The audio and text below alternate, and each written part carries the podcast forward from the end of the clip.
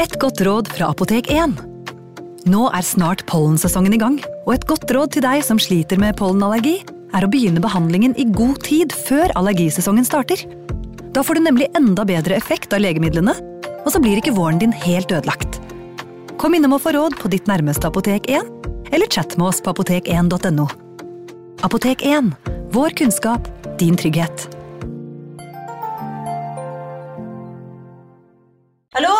Jeg kommer fra Oslo politikammer. Ine Jansen er purk. Er du purk? The motherfucking bitch. Alt jeg vil, er å finne ut hva som skjedde med mannen min. Jon Carew. Er jeg sikta for noe? Iben Akeli. Det er du. Ole So, Lars Berrum og Big Daddy Karsten. Hvem sin side er du på, egentlig? Anette Hoff, Tone Danielsen, Kommer du fra Afrika? Jørnis Josef, Nesten kløfta. Trond Espen Seim, Det er synd å si det, men det var feil mann som døde. Purk. Premiere tirsdag på TV2 Play. Ungsamtalen fra DNB er økonomisk veiledning tilpasset deg som er ung. Bokk en ungsamtale på dnb.no. slash ung. Det er kjempebra hvis du skal inn på boligmarkedet, hvis det er drømmen din, liksom. Det er det du skulle sagt. Og så kunne du ropt litt mer, da, sånn som jeg gjorde. Bam! Advarsel. Denne podkasten inneholder skildringer av ekte drap og kriminalsaker som kan være støtende for enkelte. Det advares også mot sterke inntrykk i deler av episoden. Noen drapssaker er verre enn andre. Det er selvfølgelig individuelt hva vi synes er mer forferdelig enn hva andre synes. Noen orker ikke å høre om barn som blir drept, andre klarer ikke de mest grafiske sakene, hvor for eksempel tortur eller selvmutilering er i sentrum, eksempelvis i episoden om Albert Fish, så finnes det folk som ikke reagerer stort på true crime, de som klarer å distansere seg fra hendelsen. Alt er greit, alt er normalt, vi er forskjellige og ønsker å høre om forskjellige hendelser og personer.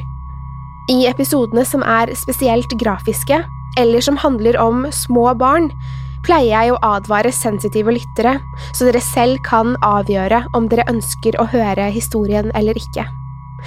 Det som gjør true crime så forferdelig grusomt, men også så forferdelig spennende, er at det vi får høre, er ekte.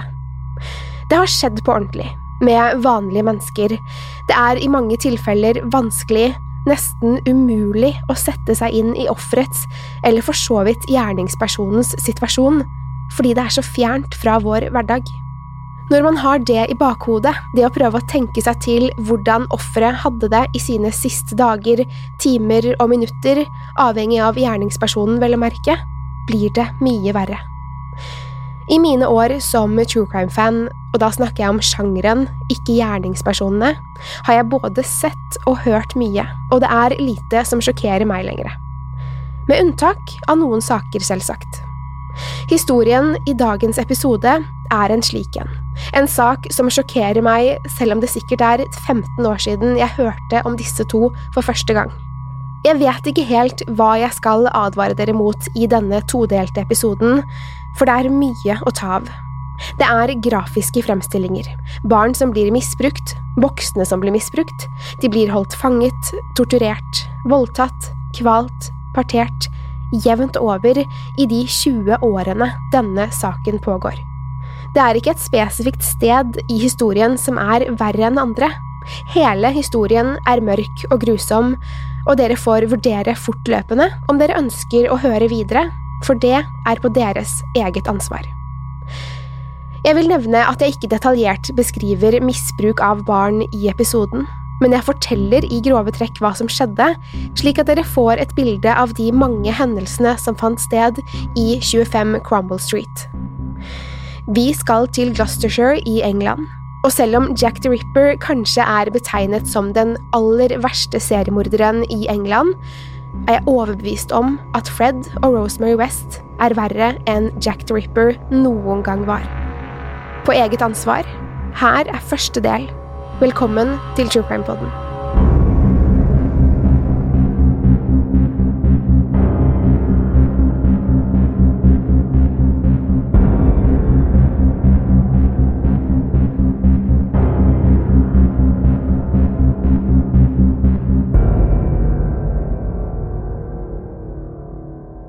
Den 29. september 1941 blir en liten gutt født i March Markle i Hertfordshire i England.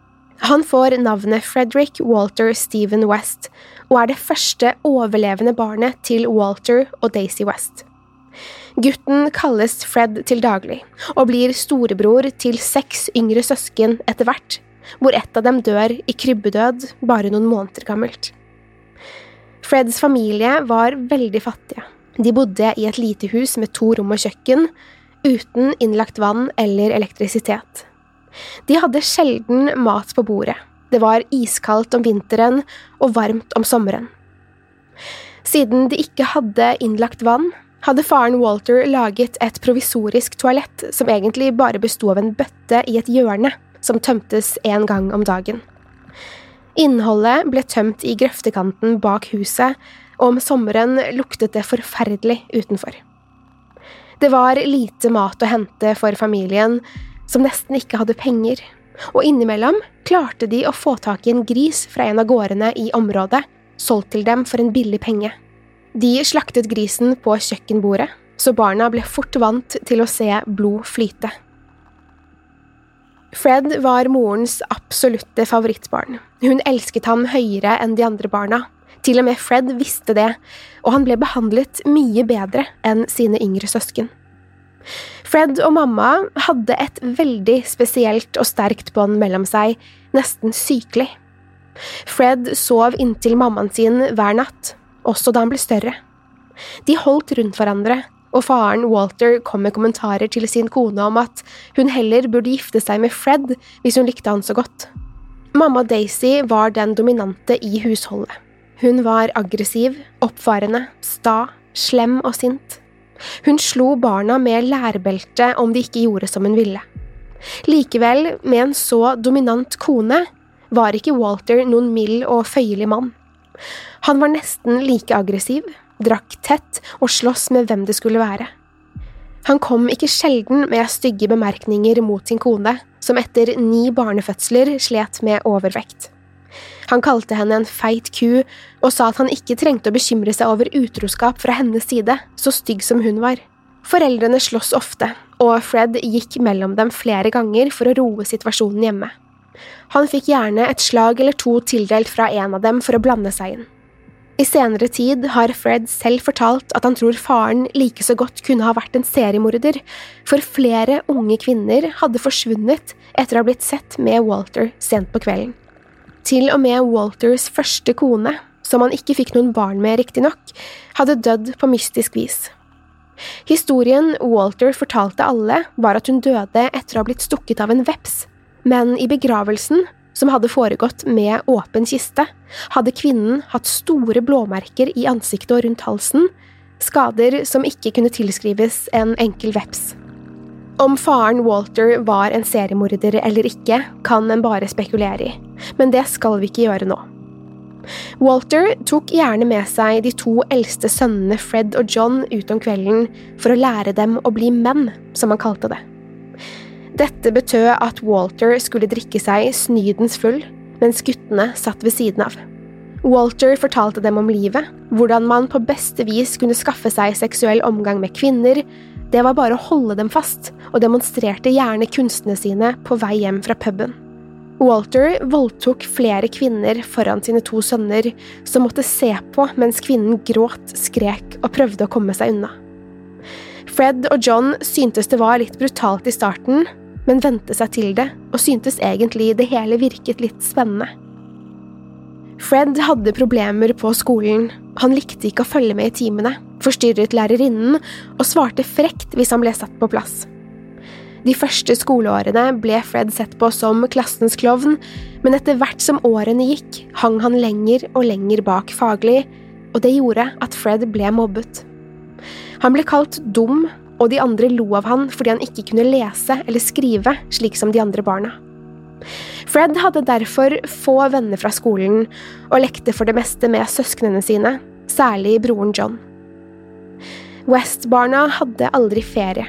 Det var forventet at de skulle hjelpe til med oppgaver hjemme, og hver sommer, påske, til jul og andre ferier måtte de jobbe for å tjene penger til familien.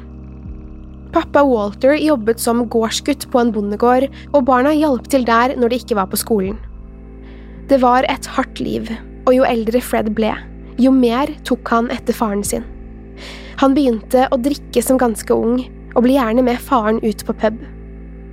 Faren likte å stoppe innom gården han jobbet på på vei hjem, for de hadde sauer. Walter lærte sønnen hvordan han kunne ha sex med sauene, og allerede som 12–13-åring begynte Fred å gjøre det til en vane. Walter hadde høylytt sex med sin kone, så barna både så og hørte hva som foregikk, og barna ble oppfordret til å utforske hverandre. I den unge alder av 13 år hadde Fred sex med sin egen mor for første gang, og han misbrukte søstrene sine seksuelt ved flere anledninger. Akkurat dette ble han tatt med til politiet for av Daisy, moren. For at han misbrukte søstrene, gjorde henne sjalu, trodde Fred. Som 15-åring slutter Fred på skolen, og kan fortsatt nesten verken lese eller skrive. Han søker jobb på gården der faren jobber, og får en stilling som assistent der. I helgene drar Fred på byen med brødrene sine og treffer andre ungdommer som han drikker og røyker med. På vei hjem tvinger han noen ganger jenter til sex, andre ganger blir noen med han frivillig.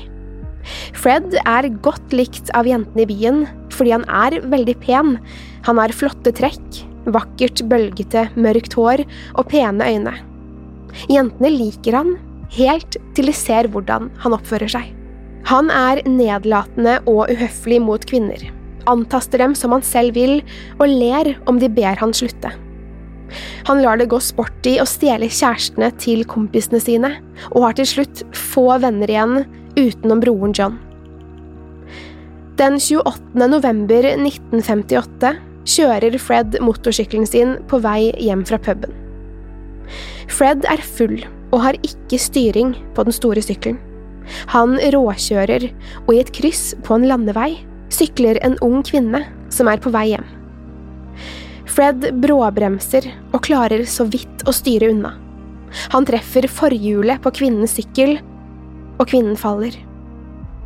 Fred flyr over styret på sin motorsykkel og treffer med hodet rett inn i et tre før han lander på ryggen. Det går bra med jenta, hun kommer fra ulykken med noen kutt og skrubbsår, men for Fred går det verre. Han får en alvorlig hodeskade, han brekker begge armene og et ben, og får store kutt over hele kroppen.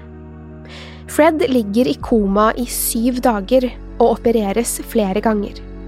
Ben i ansiktet og på hodeskallen er knust, og Fred får operert inn metallplater i pannen, i tillegg til å måtte rekonstruere halve ansiktet. Fred våkner etter en uke, og det viser seg at personligheten hans er forandret. Tidligere venner av Fred sa at alle hans verste sider ble om mulig enda verre enn før. Fred ble frekkere, mer uvøren og aggressiv. Han var spydig, oppfarende og sint etter ulykken, og mister de få vennene han hadde igjen. Populariteten hans hos det motsatte kjønn synker også, for han mister det flotte utseendet sitt. Nå er han skjev i ansiktet, har flere arr og halter fordi benet hans ikke grodde slik det skulle ha gjort. Nå som Fred har verken venner eller kjærester, og fordi han ikke vil vise seg ute blant folk, er han mer hjemme hos familien, og de får virkelig lære å kjenne Fred sin nye personlighet. Han klager på alle, til og med moren sin, og slåss stadig med faren. Foreldrene sier at han ikke kan være hjemme hele tiden, og tvinger han ut av huset. Fred har mistet jobben sin, ikke av skadene etter ulykken, men fordi han ikke kom overens med noen av kollegene lenger. Fred finner seg en annen pub hvor de tidligere vennene hans ikke frekventerer, en pub hvor kvinner som selger seksuelle tjenester, ofte oppholder seg. Her møter han 16 år gamle Catherine Bernadette Costello, kalt Rena blant venner. Rena er fra Glasgow i Skottland og jobber i March Markle for å tjene nok penger til å en dag flytte til London. Rena er like munnrapp som Fred, og til hans store glede har hun også et umettelig seksuelt behov som resulterer i at Fred tilbringer mye tid sammen med henne. De blir kjærester, men Fred oppfordrer Rena til å fortsette å jobbe som prostituert, for han liker tanken på at hun er med andre menn. Paret krangler mye, og forholdet tar slutt etter noen måneder. Rena reiser tilbake til Skottland, og hjemme hos Fred venter en ubehagelig overraskelse. Freds 13 år gamle lillesøster Kitty har fortalt moren at Fred har voldtatt henne jevnlig i flere måneder. Nå har magen hennes begynt å vokse, og det viser seg at Fred har gjort sin egen søster gravid. Walter forteller hva sønnen har gjort til politiet, og de kommer og henter han. Alle i familien er skuffet, til og med mamma Daisy. I avhør forteller Fred at ja da, han har misbrukt søstrene sine i flere år, og legger til gjør ikke alle det? I november 1961 starter rettssaken, men Kitty tør ikke vitne mot broren sin, og Daisy har sagt at hun vil vitne for Forsvaret, altså i Freds favør, så han ikke skal komme i fengsel. Siden hovedvitnet ikke tør å møte i retten, finnes det ingen bevis, og Fred West går fri for anklagene. Selv om de rettslige problemene er over for Fred, blir han kastet ut hjemmefra. Ingen i familien vil ha noe med han å gjøre. Til og med Daisy mener Fred ikke kan bo hjemme mer. Han flytter til tanten sin Violet i noen måneder, før han får lov til å komme hjem igjen. Daisy savner sønnen sin og tilgir han for det han har gjort. Det var jo tross alt hun og mannen hennes som lærte sønnen at vold, voldtekt og sex med familiemedlemmer var normalt. Fred begynner å feste igjen. Han er full hver eneste kveld og en gang går det riktig så galt. Fred er på vei hjem fra puben, overstadig beruset som vanlig, og klarer å falle baklengs ned en trapp, hvorpå han lander med hodet først i betonggulvet under. Han blør kraftig og pådrar seg enda en alvorlig hodeskade. Freds personlighet forandres igjen, han blir om mulig enda verre enn før. Han begynner å snakke litt rart, men er mer aggressiv enn tidligere, og nå også voldelig. De som kjenner han, særlig familien, er sikre på at Fred har fått en hjerneskade denne gangen. Fred har ikke jobb. Han får ikke jobb av sitt dårlige rykte, men også fordi han er uvøren og frekk med alle han møter. Derfor begynner Fred å stjele, og blir tatt av politiet gjentatte ganger. Han dømmes for tyveri, men får ikke fengselsstraff. Fred møter en gammel kjenning, Rena er tilbake i byen. Hun og Fred begynner å date igjen, og Rena forteller at hun er blitt gravid med en pakistansk bussjåfør som jobbet i Glasgow, der hun hadde jobbet den siste tiden. Hun flyttet fordi hun visste babyen ikke ville se skotsk ut, og ønsket ikke det stigma, forklarte hun Fred. Fred på sin side mener at det er ikke noe problem, for barnet kan jo aborteres. Han tilbyr seg å gjøre jobben for Rena, og forklarer at det ville bli fryktelig dyrt om hun skulle gjøre det samme på sykehuset, og dessuten er det jo ulovlig. Fred forbereder seg på inngrepet med tang, strikkepinner og saks. Rena legger seg ned på sengen og er redd for at det skal gjøre vondt, men Fred beroliger henne og sier at hun ikke kommer til å kjenne noe. Han sier at han har gjort dette mange ganger før, selv om det er løgn. Akkurat idet Fred skal begynne, mens han holder tangen i hånden, kommer Freds mor inn i rommet og stopper dem. Daisy kaster ut Rena og ber Fred om å aldri treffe henne igjen, men han hører ikke på moren. Fred vil være med Rena og frir til henne. Han lover at han skal oppdra barnet som sitt eget, og at de skal bli en familie. Den 17. november 1962 gifter de seg i en enkel seremoni Eneste gjest i bryllupet er Freds bror John. Han tar også det eneste bildet av brudeparet, som senere brukes når Rena forsvinner sporløst og meldes savnet av familien i Skottland. Paret flytter til Glasgow, men krangler mye, og Fred slår Rena og krever sex flere ganger om dagen. Rena er sliten, hun er snart høygravid og orker ikke å gjøre som Fred sier hele tiden. Derfor blir hun jevnlig voldtatt av mannen sin, og han tvinger henne også til å fortsette i jobben som prostituert. Fred klarer endelig å skaffe seg en jobb selv. Han selger iskrem fra en isbil i nabolaget rundt der han og Rena bor. I mars 1963 føder Rena en datter, og Fred blir veldig skuffet når han ser den lille babyen. Hun er mørkere i huden enn han hadde trodd, og har helt svart hår. Babyen ligner ikke på han, slik han hadde trodd, selv om han visste at han ikke var faren. Rena kaller den lille jenta Charmaine Carol Mary, og venner av paret gleder seg til å se familiens nye tilskudd. Alle stusser litt over farskapet, og spør om Fred virkelig er faren. Rena svarer fort at de mistet sin baby før hun ble født, og at hun og Fred har adoptert lille Charmaine. Og det fortsetter å være historien.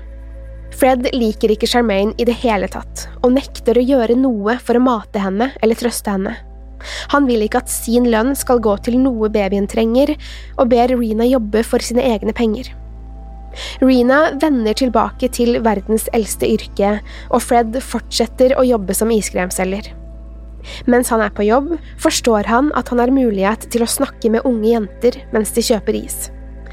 Han gir noen av dem is gratis, og spør om de vil komme inn i bilen og se hvordan det ser ut der inne. Jentene synes det er spennende å få komme inn i selveste isbilen, men de vet ikke hva de går til. Fred tar hendene sine under skjørtene deres, antaster dem grovt og voldtar minst to jenter bak i isbilen. Ingen av jentene anmelder han til politiet før flere år senere, så Fred får holde på slik han vil, uten å bli stoppet. I juli 1964 føder Rena enda en jente, og denne gangen er Fred faren. De kaller datteren Anne Marie West, og Fred gir den lille jentebabyen masse oppmerksomhet men fortsetter å behandle Charmaine, som bare er litt over et år, dårlig. Han slår henne. Hun har flere blåmerker på kroppen, og Rena prøver å beskytte eldstedatteren, som vanligvis ender i at Rena selv blir slått. Månedene går, og familien West forstår at den lille leiligheten de leier i en trang bakgate, ikke gir dem nok plass. Fred drømmer om å bo på landet, slik han selv vokste opp. Han trives ikke i byen. Etter lang tids søken finner Fred og Rena et lite hus med hage foran og gode muligheter for å dyrke egne grønnsaker. Huset ligger øde til, og familien vil få mye mer privatliv enn i sentrum av Glasgow. Selv om de flytter fra byen, blir ikke forholdet mellom Fred og Rena noe bedre. Han behandler nå begge barna dårlig og slår kona. Rena på sin side har en affære med en forretningsmann hun har blitt kjent med gjennom jobben, og Fred er mest ute og drikker. Han liker også å kjøre rundt i isbilen sin og plukke opp unge jenter han har sex med, frivillig eller ikke. Det er på denne tiden at fire unge jenter med flere uker og måneders mellomrom forsvinner sporløst. Det er som oftest jenter som har rømt hjemmefra eller jobber på gaten, de blir ikke meldt savnet med en gang, så politiet får ikke med seg, før det er for sent, vel å merke, at noen kidnapper tenåringsjenter i området. Det ryktes om at Fred er den som bortførte jentene, og at han begravde dem i åkeren sin.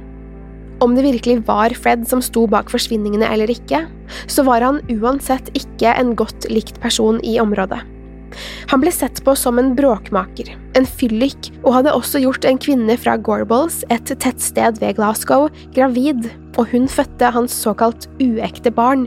Orina blir rasende, selv om også hun er utro. Fred og Rena slåss, og hennes nye flamme, forretningsmannen, bekymrer seg over Renas stadig nye blåmerker og sår på kroppen. En dag konfronterer mannen Fred og banker han opp. Fred forsvarer seg med kniv, men ingen av dem skades alvorlig. Forholdet mellom Rena og Fred er på sitt aller verste. Slåssing, utroskap og utrygghet preger hverdagen, og barna lider mest av det. Fred har bygget gitter rundt køyesengene til barna, så de er innestengt der store deler av dagen. De får lite mat og sitter ofte i sin egen avføring i timer av gangen. På denne tiden, da ekteskapet er såpass dårlig, møter Fred 16 år gamle Anne McFall, som han får et seksuelt forhold til. Anne har rømt hjemmefra og får bo hos Fred og Rena så lenge hun passer barna deres. Rena er ikke så mye hjemme, hun tilbringer tid hos elskeren sin og er bare glad til at noen passer barna hennes. Fred kjører hjem fra puben en kveld, full som vanlig. Det er mørkt, i starten av november, og ifølge Fred selv fungerer ikke frontlyktene på bilen hans som de skal. Dette er grunnen til at han ikke ser den unge gutten som er ute og går på veien. Den lille gutten rekker ikke reagere før bilen til Fred meier han ned og kjører over han. Fred kjører videre, men stopper lenger unna. Han blir forferdet av synet. Et lite barn med brukne ben og armer, med blod rennende ut fra munn, nese og ører. Den unge gutten dør, og Fred må inn til avhør hos politiet. Selv om Fred slipper tiltale i saken, er innbyggerne rasende på han. Fred var lite likt på tettstedet før ulykken, nå er han hatet av alle. Fred ser ingen annen utvei enn å flykte tilbake til hjemstedet sitt, Muchmarkle i Herefordshire, men finner ikke noe passende sted for seg og barna å bo, så han kjøper seg en bobil og flytter den rundt i området, der han kan stå gratis. Til slutt finner han en permanent plass for bobilen i Gloucester. Anne McFall blir med på flyttelasset, mens Rena blir igjen i Glasgow i noen måneder. Ikke mange ukene etter at Anne flytter inn, blir hun gravid med Freds barn. Fred blir sint og er redd for at Rena skal finne ut av det når hun flytter dit, og legger en plan. Han forteller Anne at han ønsker å ta henne med på en kjøretur for å vise henne noe. Anne, naiv og forelsket i Fred, blir gjerne med. De kjører av gårde sammen, og 16 år gamle gravide Anne forsvinner sporløst i juli 1967. Hun blir aldri sett igjen, verken hun eller det ufødte barnet. Januar 1969, Cheltenham, England. På en bussholdeplass sitter en 15 år gammel jente og venter. Det er kaldt ute, hun har nettopp blitt ferdig på jobb og skal hjem til faren sin. Foreldrene hennes er separert for tiden, og jenta feiret jul alene med faren. Moren og søstrene feiret julen sammen uten dem. Hun ser etter bussen, men den er fortsatt langt unna. Et par billykter kommer til syne der bilveien og himmelen møtes, og en stor bil kjører sakte nedover mot der hun sitter. Jenta ser bilen komme mot henne, og senker farten når han nærmer seg busslommen. Jenta myser mot bilen for å se om det er noen hun kjenner, men kan ikke huske å ha sett mannen før. Han ruller ned vinduet på passasjersiden og smiler mot henne. De snakker litt sammen om løst og fast, og mannen spør om han skal kjøre henne hjem. Han virker snill, så jenta setter seg inn i bilen. Mannen sier han heter Fred, og spør hva jenta heter. Rosemary, svarer hun. I neste episode fortsetter den mørke historien om seriemorderparet Fred og Rosemary West, og dere får høre om hvordan de for alvor begynner å drepe, og om hvem unge Rosemary er. I mellomtiden, følg oss gjerne på Instagram, der heter vi True Crime Norge. Har du tips til litt uvanlige og spennende drapssaker? Send oss mail på post at truecrimenorge.no, eller som DM på Instagram. Jeg blir også veldig glad om du vil legge en fem stjerner på iTunes. Til neste gang, pass på deg selv, og takk for at du har hørt på True Crime Podden.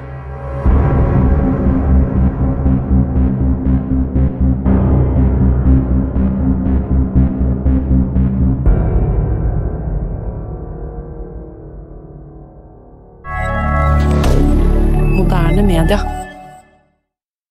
Har du et enkeltpersonforetak eller en liten bedrift? Da er du sikkert lei av å høre meg snakke om hvor enkelt det er med kvitteringer og bilag i fiken, så vi eh, gir oss her, vi. Fordi vi liker enkelt. Fiken superenkelt regnskap. Hei! Takk for at du lytter til True Crime Podden. Skulle du ønske at du kunne høre en ny episode av denne podkasten hver eneste uke? Vel, da er det bare å laste ned podkastappen Untold med en gang. I tillegg til ukentlige episoder av podkaster som Skrekkpodden, Synderne og Henrettelsespodden, får du masse annet reklamefritt og eksklusivt innhold. Last ned Untold i AppStore eller Google Play, og start din 30 dagers prøveperiode i dag.